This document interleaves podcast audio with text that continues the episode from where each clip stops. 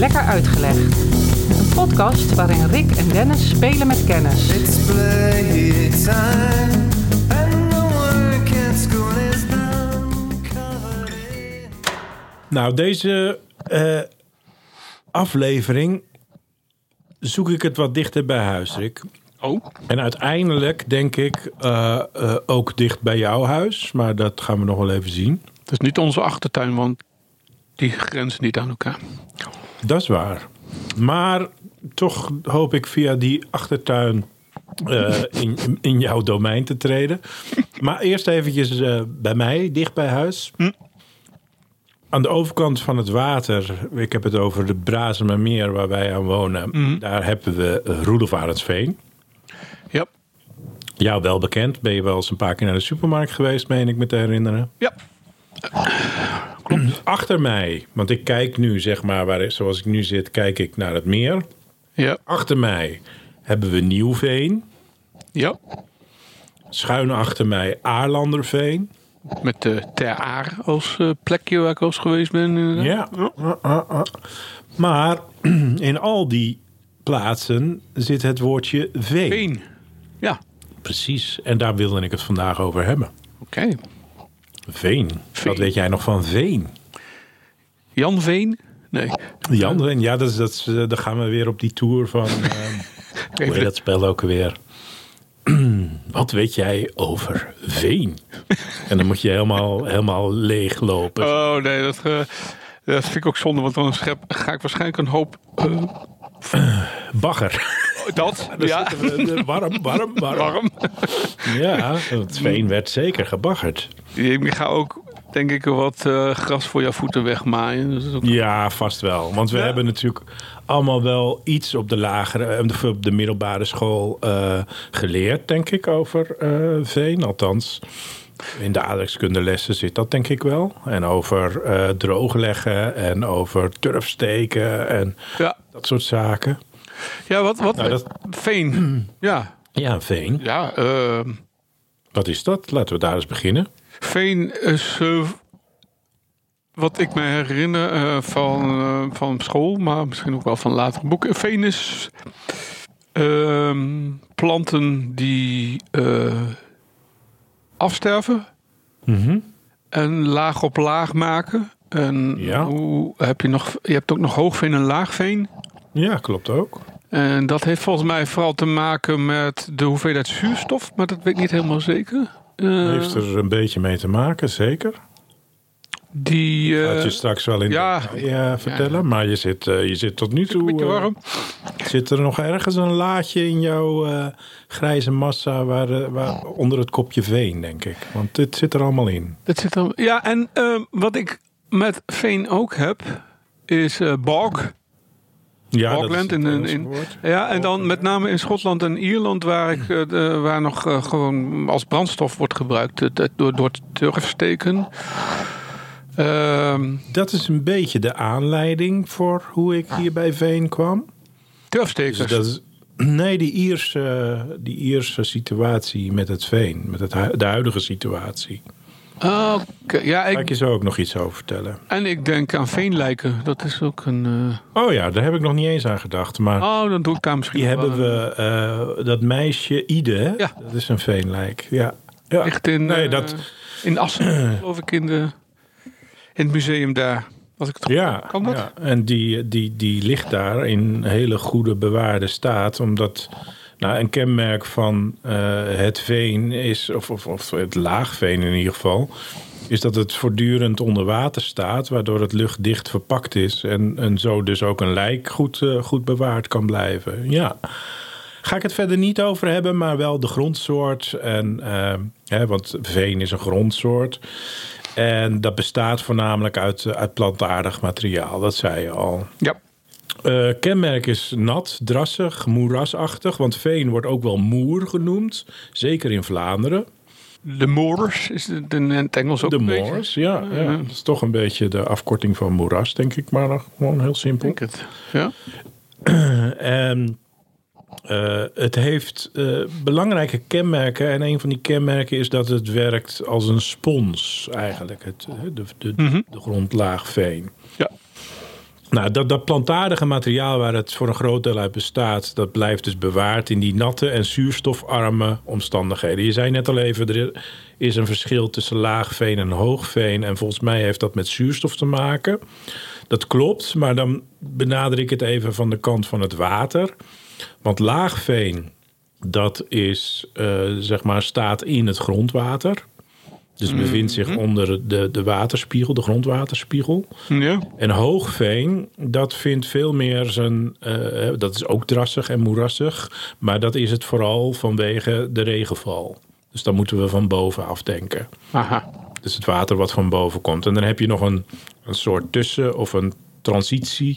En dat noem je het verdronken hoogveen. Dat is bijvoorbeeld hierachter bij Nieuwveen. Vind je daar stukken van? B- bij het riet daar. dat, daar is zeg maar hoogveen. Maar dat is eh, na het stijgen van het grondwater. Als er ergens het grondwater stijgt. Is dat zeg maar, wordt het laagveen. Omdat het onder dat grondwaterpeil komt te staan. Ja. Nou goed, daar ga ik verder niet op in. Eh, ik wil even naar de geschiedenis. En dan zie je dat in Nederland dat er hele grote eh, eh, uitgestrekte veengebieden zijn in Noord- en in West-Nederland. En die worden eigenlijk eh, honderden jaren lang benut als weidegebied voor, voor koeien. Nou ja, we hebben op school natuurlijk geleerd dat veen soms op grote eh, diepte belandt. Als er steeds maar weer een afzetting over de, de bodemlagen ontstaat, dan, dan zakt dat veen eigenlijk dieper. Ja. En dan wordt het steeds dieper in de eh, aardkorst wordt het blootgesteld aan meer druk, hogere temperatuur. Dan krijgen we, weet je nog wat we dan krijgen na veen? Turf. Nee. Nee, turf krijgen we niet. Die krijgen we op een andere manier. Maar dan krijgen we bruinkool. Oh, ja, ja, ja. ja. Dan krijgen we steenkool. En als we nog dieper gaan en nog langer en on- nog onder een grotere druk en temperatuur, Diamanten. krijg je zelfs diamant. Ja, Ja. dat is dat rijtje wat je misschien nog wel Ja. op school hebt geleerd. Ja. Nou ja, wat je ook eh, eh, waarschijnlijk op school wel tegengekomen bent, is dat, en jij zei het al even, turf noemde je net. Nou, dat krijg je als je natte veen eh, oogst, droogt, te drogen legt. En dan krijg je, eh, je kent misschien die, die vierkante blokken turf. En dat kan je weer gebruiken, onder andere als brandstof. En dat is natuurlijk ook honderden jaren gedaan. Dat is waar ik dus Ierland en Schotland vooral mee. Misschien hebben we het hier ook gedaan, maar het is heel raar. Daar associeer ik turf, turfsteken, nauwelijks mee. Wel met, eh, met Schotland en Ierland, waar gewoon de blokken, wat je zei, hè, van die, Ja. van die baksteengrote, eh, grotere Exact. bakstenen weliswaar, maar Ja. van die grote eh, ehm, rechthoekige kubussen, om het zo maar te Mhm. zeggen, die dan uitgestoken worden en op, de ruim, op het land ernaast worden neergelegd om uit te Ja. drogen. En die worden inderdaad vervolgens gebruikt om te verstoken. Dat is ook die heerlijk. Ik vind dat een zalige geur die er. eh, ja, die zelfs in de wat koudere zomers of eh, zeker in de winter in, eh, in, in dat soort konterijen. Ja, dus niet iedereen het over eens, die geur. Maar het is een hele sp- eh, specifieke geur inderdaad. Ik vind het heerlijk, maar ja. Ja, ja. Nou ja, dat is hè, als brandstof is turf vooral. En dan moeten we, moet je denken aan de tijd dat steden in opkomst kwamen.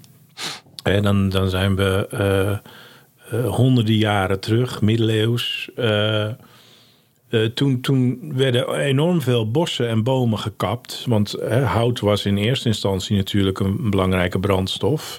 En, bouwmateriaal natuurlijk, toen de steden in opkomst kwamen. Dus heel veel bossen en houtmateriaal werd gekapt in die periode. Ja. Dus er kwam een tekort aan, aan, aan, eh, aan hout. En dus ook aan hout als brandstof. En toen is dat turf enorm in opkomst gekomen. Dus zover moet je al terug, zeg maar, om die brandstof, eh, die turf als brandstof eh, in de geschiedenis terug te halen. Nou, later is die, en dan moet je denken aan de 18e en 19e eeuw, is die turf natuurlijk weer vervangen door brandstoffen van nu. Hè? De, de, de, de, de gas, gas uit Groningen, eh, olie. Ja. Die zijn zeg maar eh, in de plaats van de turf gekomen. Ook als bouwmateriaal is turf gebruikt, maar veel minder bekend. Ja, ik ken natuurlijk wel plaggenhutten in Drenthe. eh, Ja, Maar dat zijn geen... Of wel? Ja, misschien waren dat ook wel eh turfveenachtige Ja, ja vast, vast. heide. Ja. En er is nog een, eh, nog een eh, belangrijke eh, eigenschap die, we, die ik later terug laat komen. En dan kom ik denk ik een beetje bij jou in de achtertuin. Ik dacht al, wie was daar dag laatst aan het graven? Ja, ja, ja, ja, dat was ik.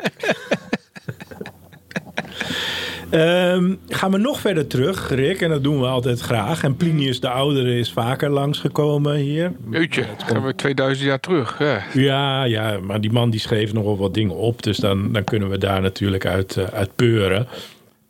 Ja. In zijn eh, Naturalis Historia schreef hij al eh, over modderballen die werden gedraaid en als brandstof werden gebruikt. Nou ja, en een goed lezer die, die haalt daar de turf en het veen uit. Toch? Nou, ja. eh, ik had, een hele, anders, eh? nou, ik had een hele andere onsmakelijke gedachte. Als jij zegt eh, ballen draaien, dan. eh, Wil je dat delen met een grote... ik zie koeien flyen voor mij. Ik denk, nou ja, er zit ook een hoop. eh, maar dat is meer een vruchtbaar. eh, dat is niet om mee te bouwen. Ik, ik heb nog nooit een, een gebouw gezien. Ja, jij zegt turf, dat dat gebruikt is als bouwsteen voor huizen of voor plaggenhutten of wat dan ook. Maar Ja, maar ook als, eh, als, als, als, als, als dijkje of als, als ja, ja. visvijver. Bedoel, Als eh, visvijver. maar ik doe, bij de koeienfly ga je geen huizen bouwen. Nou, Dat klinkt als een daar kan je wel, maar daar ga je, kan je wel de kachel mee stoken, hè? Dat is waar. Want dat heb ik in Georgië nog gezien in hele eh, arme gebieden. Daar wordt nog steeds wel een hoop. eh, nou ja, misschien was dat een combinatie van turf, mest, ik weet het niet. Maar hadden ze ook een heleboel van dat soort eh, dijken gebouwd met dat materiaal. En die werden langzaam afgekalfd omdat het gebruikt werd als brandstof. Ja, ja, oké. Dus ik weet niet of dat puur turf geweest is, maar ik, ik, ik dacht er ook wel een soort van mest in te zien. Hmm. Ik wilde vanaf zijn. Hé, hey, maar eh, de, eh, het veen wat dus in die bodem zit en bij gebrek aan zuurstof betekent het dat sommige bacteriën die normale afbraak niet kunnen hè, eh, doen, omdat daar geen zuurstof voor is. Maar er zijn wel ac- bacteriën actief in die bodem, in die grond. En dat zorgt er bijvoorbeeld voor dat er methaan wordt aangemaakt. Hebben we het dan Methaan. eh, over anaeroop? Ja, en eh, we, kennen dat ook als moerasgas. Kun je heel leuk. Ik speelde daar vroeger als kind mee. Echt? Vertel. Als je in een sloot, in een eh, sloot, maar of in een vijver zit, dan heb je natuurlijk ook eh, riet. ja. En dat sterft af in het najaar, in de winter, verzakt er naar de bodem. Dat gaat allemaal. Wordt dat. eh, ik wou zeggen humus, maar dat is natuurlijk onder water niet. Maar in ieder geval, dat zakt op de bodem. Dat eh, eh, gaat langzamerhand, eh verteert dat helemaal. En als je, dat vond ik heel leuk als kind. Ik had dan een, een bakje, ja. plastic bakje. Ja. Waar weet ik veel, sla of zo in had gezeten. En dan prikte ik een gaatje in de bodem. Ja. En dan zet ik hem op de kop in het water, zodat er. Eh, dat als ik daar dan onder met een stok in de grond prikte, kwam daar gas omhoog. Die ving ik dan op. Dus ondertussen had ik een vinger op dat gaatje. Dat gas ving ik op. Ik had dan een aansteker bij me. En op het moment dat ik mijn vinger eraf haalde en dat gas aanstak, aanstak had je dus een steekvlam van met name ook eh, methaan. Dat was altijd mijn dingetje om te doen in het voorjaar. Ja, dat, is, dat is dus van, van, van heel de wereld. Want ik herinner mij nog in, eh, in Zuidoost-Azië een boottochtje die ik maakte met eh, Nicole en mijn schoonouders. We stopten ergens op een eilandje. Waarom? Omdat dat was kennelijk een grapje of een, een, een, een iets leuks wat hij altijd deed met gasten die hij in zijn boot had. Want de bootsman die nam ons mee zeg maar, naar het strandje. En daar kwamen ook van die ploef, ploef, ploef van die gasbelletjes naar boven, zeg maar. En dan wist hij de plekjes te vinden waar dan relatief veel gas omhoog kwam. En dan had hij een plastic bekertje bij zich. Ja. Je, je voelt hem al. Ja, ja. Een gaatje erin en aanstekertje erbij. En dan kon hij dan lichte, lichte explosietjes. eh, Ja, en ja, kon hij ja, dan. Dus inderdaad, dat is, eh, dat is een, van Dus- alle, overal en Oh, van ja, alle ja. tijden. Dat is een jonge, jongetjes ding ook, denk ik misschien. Maar eh, vuur en experimenteren. En, ja. Ja, dat blijft leuk. Ja. Nou ja, dat, dat, eh, dat methaan, dat, dat, die, die moerasgas, die ontstaat dus ook in dat veen, in die veenlaag. En eh, doordat, eh, trouwens is eh, de boeren en de scheten van, van runderen, dat is ook moerasgas, hè? dat is Ja. ook methaan. Een van de grootste bijdragers aan onze klimaatverandering. Exact, exact. Zeg je nou, Rick? Turf als brandstof, dat hebben we natuurlijk, hè, wat ik net vertelde, in, in de tijd dat de steden in opkomst kwamen. Het hout werd schaars en turf werd een belangrijk alternatief om de kachel in de fik te steken en om warm, warmte te, te creëren. Maar de volgende stap, die gebeurde ook, namelijk dat turf een brandstof werd voor ambachtslieden in de industrie. Dus ook in die eh, periode dat de in- industrie eh, opkomt en er meer industriële activiteiten ontstaan, dan speelt dat turf nog een belangrijke rol. Ehm, en daarbij kan ik je melden dat turf wat uit het hoogveen komt, dus eh, wat bloot staat aan, eh, of wat onder invloed staat van het hemelwater, zeg maar. Dat was over het algemeen eh, van betere kwaliteit als brandstof, omdat die rijker was aan plantaardig materiaal. De turf uit het laagveen, dat was vooral op basis van riet. Dus dat was minder divers, waardoor het eigenlijk minder rijk was om te verbranden. Dus je kon het beste uit hoogveen je turf halen. Dan had je de, de, de grootste opbrengst qua warmte. Ja. Uh, uiteindelijk werd het, uh, werden de fossiele energieën, want dit is ook een fossiele energie, mm -hmm. hè, want het is uitputbaar. Op het moment dat wij alles afgraven en gebruiken, het duurt duizenden en duizenden jaren om dat soort lagen weer te laten ontstaan als je dat wilt. Hè, hetzelfde geldt uh, voor olie, hetzelfde geldt voor gas. Dus op een ja. bepaald moment is het op. En tegenwoordig wordt het in Nederland op hele kleine schaal nog gewonnen. En dan moet je denken aan uh, uh, dat er nog wat gewonnen wordt voor de productie van actieve kool. Weet je wat dat is? Nee. Nou, dat, daar maken ze eigenlijk. Dat is niet dat, kool die aan het sporten is of zo. Uh. kool die aan het sporten is? Ja. Actieve kool, gewoon die is. nee, nee, nee. Aan het rennen of zo. Of schoppen ja, ballen naar boerenkool die uh, met gimpies aan. boerenkool die aan uh, boerengolf doet of zo. Nee, nee uh, het makkelijkste waar ik aan dacht toen ik ging denken wat is actieve kool is... Als je denkt aan de Eerste Wereldoorlog, Tweede Wereldoorlog, aan die gasmaskers. Ja. Daar zit een filter in. Ja. En dat filter bestaat uit een fijn kool ja. uh, achtige stof. En dat is actieve kool. En de eigenschap daarvan is dat het vooral mengt met ander materiaal. En daardoor filtert het heel makkelijk. Oké. Okay. En uh, die productie van actieve kool, die, uh, die actieve kool wordt dus uit, uh, uit die veenlaag gehaald. Okay. Dus daar wordt het nog wel voor gebruikt. Maar dat is natuurlijk in veel gro mindere grote mate dan dat het in het verleden als brandstof werd gebruikt.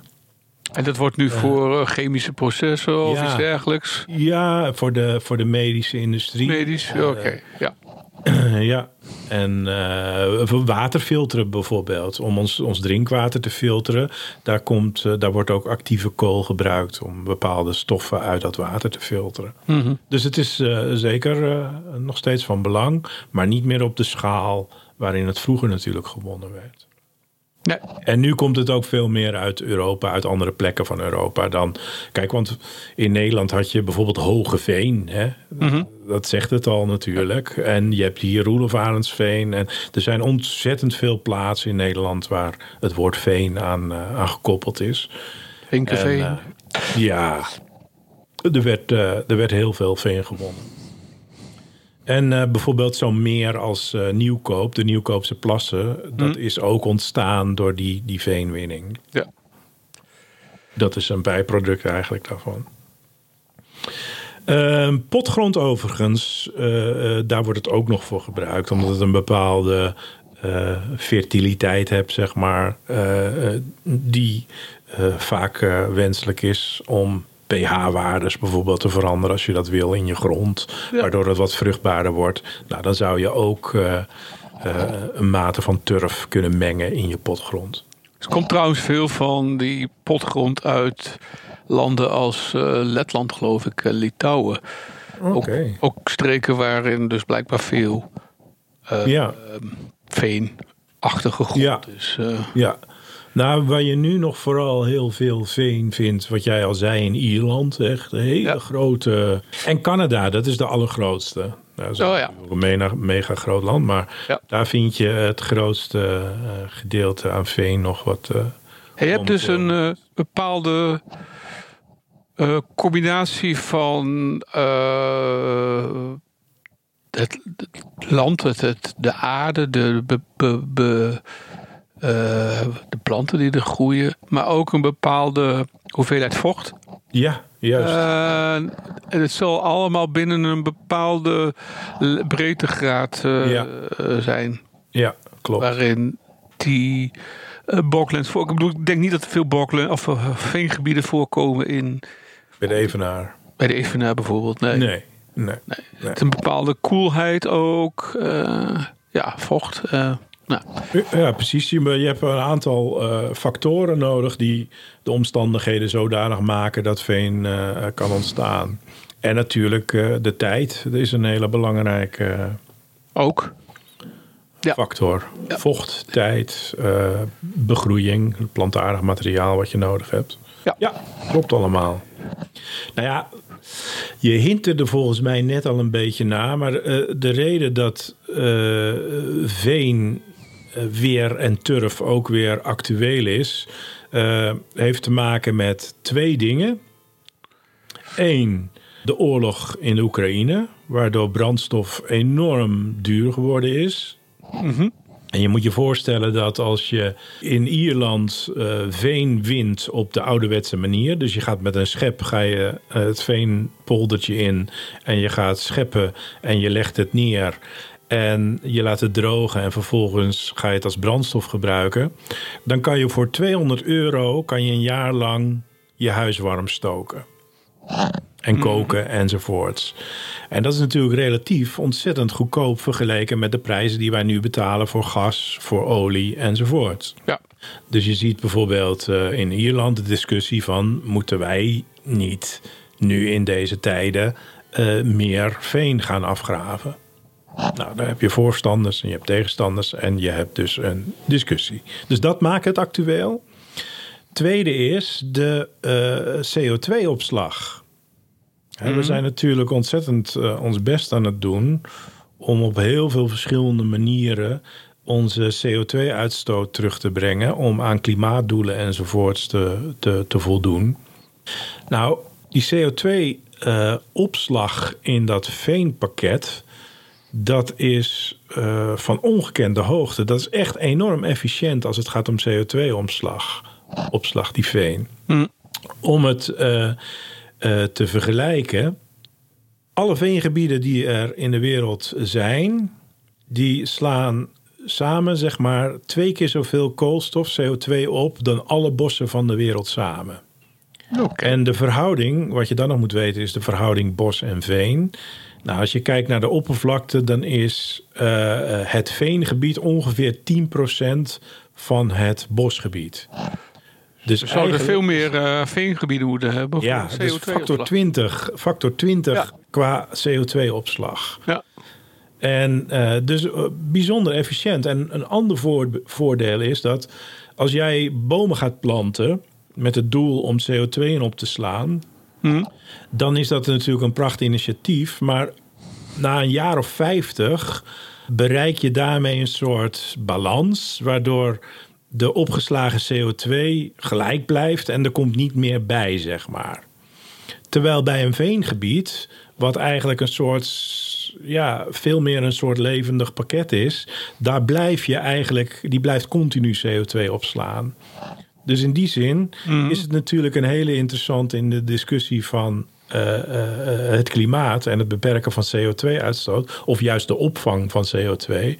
Dan zou je juist heel erg eh, moeten gaan investeren of moeten gaan ontwikkelen eh, in, in, in veengebieden. En, ehm 3% van de aardoppervlakte is veengebied. Nog even om het in een kader te plaatsen. En 30% is bos. 30% bos. Het zou mooi zijn als dat eh, andersom was eigenlijk. Als je kijkt naar CO2. Ja, Als je vandaag de dag turf wint, dan ga je het eh, veengebied droogleggen. En wat een nadelig effect, effect is als je het drooglegt, is dat al die CO2 die erin ligt opgeslagen, die komt daarbij vrij. Mm. Dat is het nadeel. Hè. Het is heel efficiënt in de opname, maar op het moment dat je dus eh, turf van wilt maken, dan laat je eigenlijk al die CO2 vrij. Dus dat is gigantisch. Eh, het zorgt van, tot, van 5 tot 7 procent van de uitstoot van wereldwijde broeikasgassen. Dus daar ligt zoveel broeikasgas in dat veengebied eh, eh, opgeborgen, dat we er eigenlijk wel van af moeten blijven. Want op het moment dat we droog gaan leggen, eh, komt dat allemaal vrij. En we weten inmiddels hoe slecht dat is natuurlijk voor het broeikaseffect. ja. Het is meer eh, dan alle vliegverkeer in heel de wereld bij elkaar. Wat je. eh, vrijmaakt als je alles op zou, ja, ja. alle veen zou op zou Nou, op- wat er nu. Nee, dat is wat er, wat er nu vrijgemaakt Wat er wordt. nu wordt is. In, wat er in Ierland en in Finland wordt nog steeds turf gewonnen. En worden dus veengrond drooggelegd. En eh, dat is dus. eh 5 tot 7 procent van die wereldwijde broeikasgas, die komt daar vandaan. En daarom is het dus ook die discussie in Ierland ook eh, bijvoorbeeld heel erg actueel. Want die dragen dus proportioneel enorm bij aan, aan, aan het ontwikkelen van broeikasgassen in de wereld. Hm.